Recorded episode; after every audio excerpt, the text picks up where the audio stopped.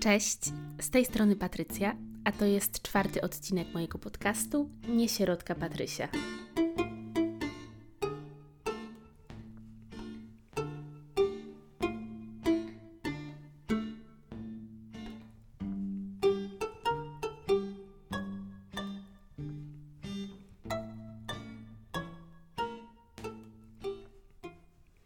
W dzisiejszym odcinku będę zastanawiała się, jak to jest, że słuchamy opinii innych, że często te opinie hamują nas w jakichś działaniach. A pomysł na ten odcinek narodził się, kiedy myślałam o historii kolczyka, który nigdy nie pojawił się w moim nosie. Kiedy byłam nastolatką, marzyłam o tym, aby mieć kolczyk, początkowo w wardze, a później w nosie. Takie kółeczko. Podzieliłam się tym pomysłem z moją mamą, no i, i ona się nie zgodziła. Powiedziała, że przecież jestem uczennicą, mm, co, co na to powiedzą nauczyciele, inni dorośli, co powiedzą mm, osoby z mojej rodziny. Ten kolczyk wybiła mi z głowy, ale ja wciąż o nim tak skrycie marzyłam. I okazało się, że można kupić coś, co jest takim fejkowym kolczykiem. Takie kółeczko wkładasz do nosa, wygląda prawie jak kolczyk prawdziwy, ale nim nie jest. Więc oczywiście takie coś sobie zamówiłam. I włożyłam do nosa. Moja mama wiedziała, że to fake, więc się za bardzo nie zdenerwowała. Larum za to podniosła moja ciotka. Kiedy zobaczyła, że mam kolczyka w nosie, mm, zaczęła mówić mi, że, że ja chyba zwariowałam. Wiecie, ciotka, nie mama, to nawet nie była bliska ciotka. Właściwie to nawet nie była ciotka. To była znajoma mojej mamy. Ja na nią mówiłam ciociu, bo no bo tak się przyjęło. Więc ona się szalenie zdenerwowała. Powiedziała mi, że jestem głupia i że to przecież nie wypada i jak ja wyglądam i co ja sobie zrobiłam. Ale kiedy wyjęłam ten kolczyk z nosa i pokazałam jej, że to nie jest prawdziwy kolczyk, no to ona mm, pokazała mi tylko, że mam się puknąć w głowę no ale też odetchnęła z ulgą. I ja zaczęłam się zastanawiać, co wypada, a czego nie. I ten kolczyk, on wcale z mojej głowy tak do końca nie wyszedł. Bo kiedy już byłam dorosła, to wciąż marzyłam o kolczyku w nosie. Tylko, że jako osoba dorosła, sama zaczęłam sobie, sama zaczęłam myśleć o tym, że hej, może to wcale nie wypada. No bo co pomyślą sobie znajomi z pracy, co pomyśli moja szefowa? Co pomyślą rodzice dzieci, z którymi pracuję? Co pomyśli moja rodzina? Co pomyślą moi znajomi? To nie jest ważne, co ja myślę i że chcę, tylko hej, co pomyślą sobie inni? Więc zaczęłam się zastanawiać, jak to jest z tym nieprzejmowaniem się i dlaczego niektórym to przychodzi łatwo, a innym zupełnie nie. Być może Wam też zdarzyło się słyszeć w swoim życiu hasło typu nie przejmuj się i rób swoje. Kocham to hasło. Nie przejmuj się i rób swoje. Wow! Nie, no to, to super, jak to tylko chodzi o to, żeby się nie przejmować. No, dzięki, że mi ktoś powiedział o tym, nie? Ja nie wiedziałam, że się można nie przejmować. To jest takie hasło trochę, trochę z dupy. No bo ono niczego nie wnosi, niczego nie zmienia. To jest w ogóle najgorsze hasło, jakie można komuś rzucić. Ale też, jak już ktoś nam coś takiego powie, no to ważne jest, jaką intencją to mówi.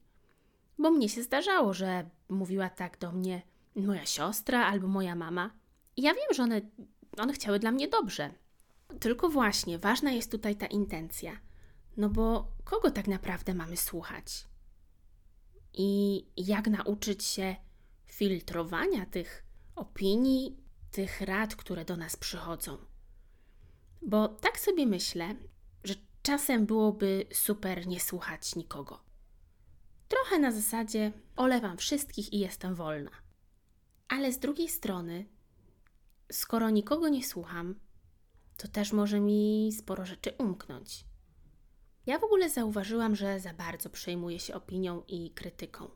I wiele razy było tak, że rezygnowałam z jakichś swoich e, marzeń, no bo tak bardzo bałam się tego, co, co się stanie, kiedy już zacznę działać. Ja bardzo lubię rysować. Tyle, że nie skończyłam żadnej szkoły plastycznej, nie byłam na ASP. Mm, po prostu lubię to robić. No i w liceum byłam w takiej klasie humanistyczno-artystycznej. Polegało to na tym, między innymi na tym, że raz w tygodniu mieliśmy zajęcia plastyczne. Tworzyliśmy na nich różne rzeczy, można też było przyjść do pani z jakimiś swoimi rzeczami i ona mówiła, co jest w porządku, nad czym warto popracować. Więc ja przez długi czas w ogóle nie pokazywałam nikomu moich rysunków ani moich ilustracji, no bo myślałam sobie, nie jestem po żadnej szkole, jestem sobie taką Patrysią, w sumie trochę znikąd, no nie mam szans. Aż pewnego dnia trafiłam na książkę. Mm, autorką tej książki jest Lisa Kongdom. To jest jedna z moich ulubionych rysowniczek. Ciekawa jest jej historia. Lisa Kongdom miała ponad 30 lat kiedy w ogóle zaczęła rysować. Zaczęła też pokazywać światu swoje prace. Chyba codziennie wrzucała, nie wiem, czy na Facebooka, czy na Instagrama te swoje dzieła. Mm, wrzucała też to na e, różne strony internetowe dla artystów. No i teraz ona utrzymuje się tylko z tego, z tego, że robi rysunki i że robi ilustracje. I w jej książce pojawiło się takie zdanie, bo ona właśnie zastanawiała się, mm, czy ma prawo do tego, żeby tworzyć, żeby pokazywać te dzieła, jeszcze żeby brać za to pieniądze. A zdanie było mniej więcej takie.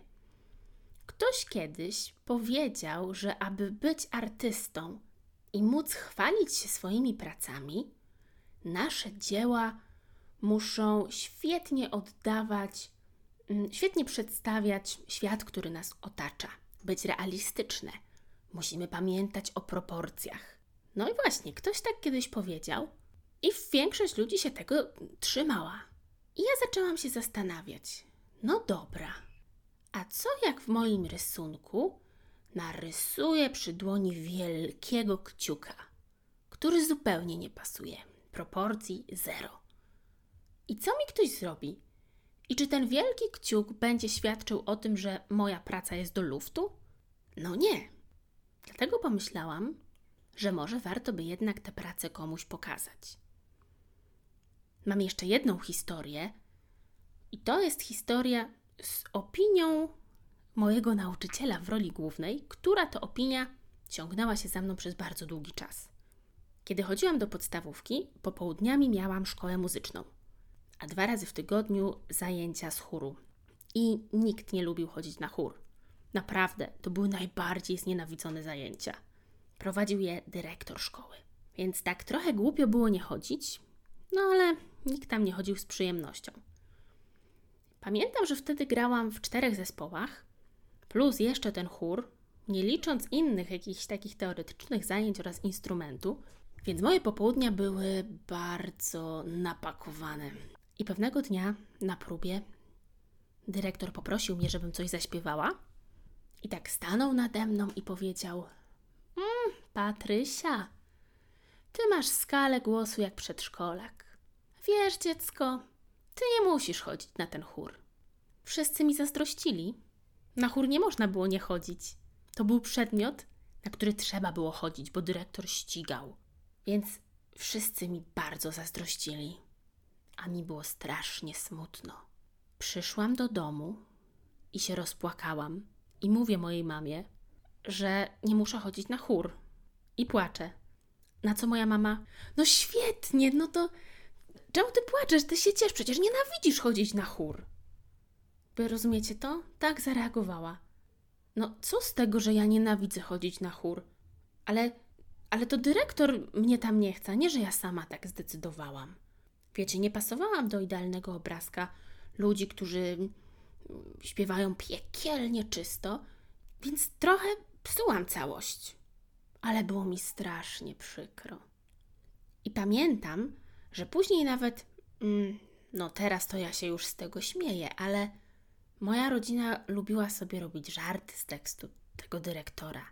Bo jak tylko zaczynałam śpiewać w domu, to ktoś zawsze rzucał tekst typu a już dyrektor ci wyrzucił z chóru, nie? To o czym świadczy? Mhm. Było mi piekielnie przykro wtedy. Teraz już to rozumiem, ale uwierzcie, że ja później przez długi czas, po tej akcji z chórem, ja w liceum i, i będąc jeszcze na studiach, miałam ogromny problem z tym, jak ludzie śpiewali wokół mnie. Bardzo chciałam razem z nimi, ale cały czas miałam w głowie: masz skalę jak przedszkolak. Ja nawet będąc w domu, jak, no nie wiem, myłam gary albo sprzątałam, to mimo ogromnej ochoty takiego podśpiewywania sobie i nie robiłam tego, bo tak bardzo bałam się, że właśnie będę fałszowała, zaraz ktoś powie: Hej, masz skalę jak przedszkolak, dyrektor wywalił cię z chóru, stara, przestań. To było bardzo trudne, taka niby pierdoła. I oczywiście możemy słuchać, przejmować się opinią innych, ale to, o czym mówiłam, war warto to filtrować i zastanowić się, kogo opinia tak naprawdę mnie obchodzi. Bo jeżeli ja przyjmuję opinię, przyjmuję krytykę od wszystkich i stosuję się do zaleceń, to z jednej strony żyje mi się bardzo bezpiecznie. Co prawda średnio, stoję w miejscu, nie realizuję siebie, ale pozycja jest bezpieczna. Nie jestem zagrożeniem, nie budzę krytyki. Więc właściwie jak zacznę słuchać i się stosować, to dostanę akceptację i luzik. Tylko, że to taki nie do końca luzik, bo dla mnie to nie będzie fajne życie. Ja zauważyłam, że niektórzy zniechęcają nas tylko dlatego, bo nam czegoś zazdroszczą. I miałam takie sytuacje w życiu, że bardzo chciałam coś zrobić, a koleżanka odwodziła mnie od tego pomysłu. Jak się później okazało, ona też chciała to zrobić, ale nie miała odwagi, więc tak bardzo bała się, że ja to zrobię, że ona już mi wtedy zazdrościła, jak ja jeszcze niczego nie zrobiłam, tylko rzuciłam pomysł. Kogo zatem słuchać, a kogo nie? Trzymam się zasady, że słucham bliskich mi osób, specjalistów e, i tych, którzy mają doświadczenie i jest im na rękę, żeby mi wyszło. Mm, słucham też ludzi, od których się uczę. Zakładam, że oni nie chcą mi podcinać skrzydeł, tylko, tylko coś ulepszyć. Więc raz jeszcze, bliscy, specjaliści, ludzie, którzy mają doświadczenie, moi nauczyciele, ci, którym jest na rękę, żeby mi wyszło. Inni ludzie? Bardzo chciałabym powiedzieć, że tych mam w nosie, ale tak nie jest. Pracuję nad tym, żeby trochę mieć ich jednak w nosie i przejmować się opinią tych, na których mi zależy, co nie zmienia faktu, że jest mi trudno. I ja strasznie przejmuję się krytyką i strasznie przejmuję się tym, co ktoś o mnie powie. Czy wy wiecie, że w poprzednim odcinku, około, teraz już nie pamiętam, dziewiątej albo dziesiątej minuty, włącza się lodówka. W poprzednim odcinku testuję nowy mikrofon. Jestem bardzo zadowolona z tej jakości dźwięku i tak sobie płynę z tą moją historią i nagle jest o cholera. Wiecie, jakie to było straszne, kiedy ja odsłuchałam tego nagrania? Ja tylko czekałam, aż ktoś mi napisze, no ale w dziewiątej minucie to co tam się dzieje? Loduwa? I bardzo to przeżywałam. Mówiłam do męża, ja nie mogę tego puścić. Muszę to nagrać raz jeszcze. No ale gdzie to nagram? Ja mogę to nagrywać tylko w kuchni. Więc lodówka pewnie w większości przypadków będzie się włączać. Przynajmniej na razie, chyba że znajdę sobie jakąś inną kanciapkę. Tydzień temu też używam dwóch wulgaryzmów. I one też tak mi same wypłynęły z buzi. No ale jak już odsłuchałam, to pomyślałam: ojeny, wulgaryzmy, trzeci odcinek ja już wrzucam. Zaraz będzie wszystko fajnie, ale ja nie lubię takich wulgarnych kobiet. I się spięłam. A później pomyślałam: Serio chcesz, żeby słuchali cię ludzie, którzy, którzy nie lubią wulgarnych kobiet i których zniesmacza słowo na K? Daj sobie spokój, dziewczyno. No i puściłam. Puściłam lodówę i puściłam wulgaryzmy. Tak sobie pomyślałam, że jestem dorosła i owszem, opinie bardzo mnie ruszają, ale potrafię też z nich Potrafię też je przefiltrować, a przynajmniej staram się je przefiltrować i sobie wiele rzeczy wytłumaczyć. Ale pomyślałam, że bardzo trudno byłoby mi teraz być nastolatką. No bo gdybym coś stworzyła i wrzuciła do sieci, to przecież od razu jestem wystawiona na komentarze. Jakbym nagrała jako nastolatka film na YouTube'a, wrzuciła go i ktoś by mi napisał od razu, ale ma ryj, ale pasztet, no dziękuję, pozamiatane. Gdybym teraz siebie wrzuciła na YouTube'a i ktoś by mi tak napisał, to pomyślałabym sobie, no sorry, masz problem, tak wyglądam właśnie. Ale tak myślę, że do, do jakiejś takiej wyjebki, tak, nie, nie boję się tego słowa, do wyjebki i umiejętności filtrowania trzeba dojrzeć. To nie przychodzi tak od razu. I umówmy się, kiedy ja już wrzucam coś do sieci, to połowa ludzi napisze, że to jest ok, a druga połowa, że badziew. No, nigdy nie będzie tak, że wszystkim coś się spodoba. Chociaż ja nie ukrywam, że to jest dla mnie bardzo trudne, bo ja oczywiście chciałabym, żeby wszyscy mnie lubili, żeby to, co ja zrobię, wszystkim się podobało. No ale tak nie jest. Ja nie wiem, czy zauważyliście, ale są ludzie, którzy bardzo lubią podglądać tych, których nie lubią. Będę oglądała każdy film z dzicha, mimo że nie znoszę oglądać tych filmów z dzicha. Może tak, mimo że uważam, że filmy z dzicha są beznadziejne, ale i tak będę je oglądać i pod każdym filmikiem napiszę beznadzieja, dno, przestań to robić. I mam taką teorię, że kiedy ktoś hejtuje jakieś moje działanie albo innych ludzi, to znaczy, że ktoś inny włożył palec w bolące miejsce. Już tłumaczę o co chodzi. Wiecie, że dyrektor wyrzucił mnie z chóru. No dobra, nie wyrzucił tak wprost, ale było wiadomo, że mnie tam nie chce. Więc mam małą rankę. I teraz oglądam kogoś, kto śpiewa. Mm, myślę sobie, no nieźle, nieźle, ale był moment, kiedy śpiewała pod dźwiękiem. No to co? Piszę komentarz, że było pod dźwiękiem. Co z tego, że ja nie umiem i mam skalę jak przedszkolak? Ale jestem zazdrosna, bo ona śpiewa całkiem nieźle. Oczywiście tego nie przyznam. No i mam tę swoj, swoją e, chórową rankę. I oglądając ten film, tak się czuję, jakby ktoś włożył palucha w tę ranę i jeszcze zagmerał. No i jest wybuch. Komentuje, hejtuje. A poza tym, jeszcze jedna sprawa. Czasami niektórzy nie odróżniają krytyki od opinii. Pamiętam taką sytuację, kiedy na studiach pracowałam w studenckiej gazecie i napisałam recenzję mm, filmu. Do dziś pamiętam, to był film Wszystko, co kocham. I ja ten film, no tak, trochę zjechałam. Koleżanka z redakcji nie zgadzała się z moją opinią, więc napisała swoją recenzję, która, no, to była taka polemika z moją recenzją. I co ja wtedy pomyślałam? Jestem beznadziejna. Ona na pewno ma rację. Powiedzą mi teraz w redakcji: Więcej do tej recenzji nie napiszesz u nas, kobieto. Z czym do ludzi? Naprawdę, ja się czułam strasznie. A ta koleżanka nie skrytykowała mnie. Napisała tylko, że się po prostu ze mną nie zgadza, bo dla niej ten film był świetny. I to nie było tak, że, że któraś z nas miała rację, a któraś się myliła. To była tylko nasza opinia, ale mnie się wydawało, że skoro czyjaś opinia jest inna niż moja, to ten ktoś ma na pewno rację, ja się mylę. Tak samo jak zaczynałam wrzucać rysunki do sieci, to zaczynałam od takich zabawnych, czarno-białych, bardzo prostych rysunków. A później chciałam spróbować swoich sił w czymś innym i zaczęłam tworzyć kolorowe ilustracje, które wymagały no, znacznie większego nakładu pracy. I ktoś mi kiedyś napisał pod takim kolorowym obrazkiem: No, ja wolałam czarno-białe rysunki. Kurde, no to po prostu cios prosto w serce. Ja dwa dni ślęczałam nad kolorem, a mi ktoś pisze, o wolałam czarno-białe. Tylko co ja mam z tym zrobić? Dobra, rozumiem, wolałaś czarno-białe rysunki, ale co, co ze mną? Co ja mam teraz napisać?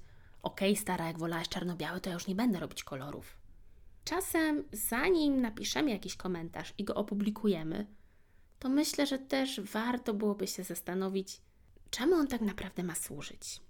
I ostatnia rzecz, o której chcę powiedzieć, tak jak mówiłam, bardzo boję się krytyki, ale jednocześnie zauważyłam, że ja wcale nie byłam w moim życiu nie wiadomo jak wiele razy krytykowana. A druga sprawa, którą zauważyłam, jest taka, że największym krytykiem mnie byłam ja sama. Nikt nigdy nie skrytykował mnie tak bardzo, jak ja potrafiłam skrytykować siebie w swojej głowie i jakie historie w tej głowie układać. Więc mam na koniec taki apel do siebie i do Was, że życie jest od tego, ale to teraz tak bardzo patetycznie zabrzmi. Już nie wiem, czy chcę to powiedzieć. No dobra, więc tak sobie myślę, że życie jest od tego, żeby je przeżyć, a nie wiecznie czekać na akceptację. Bo nie da się być przez wszystkich lubianym i akceptowanym, co muszę sobie powtarzać wiele razy, bo mi bardzo zależy na tej akceptacji. Także Patty i inni ludzie słuchający, nie czekajcie na akceptację, tylko żyjcie. Dzięki za wysłuchanie mojego odcinka i do usłyszenia za tydzień. Nara!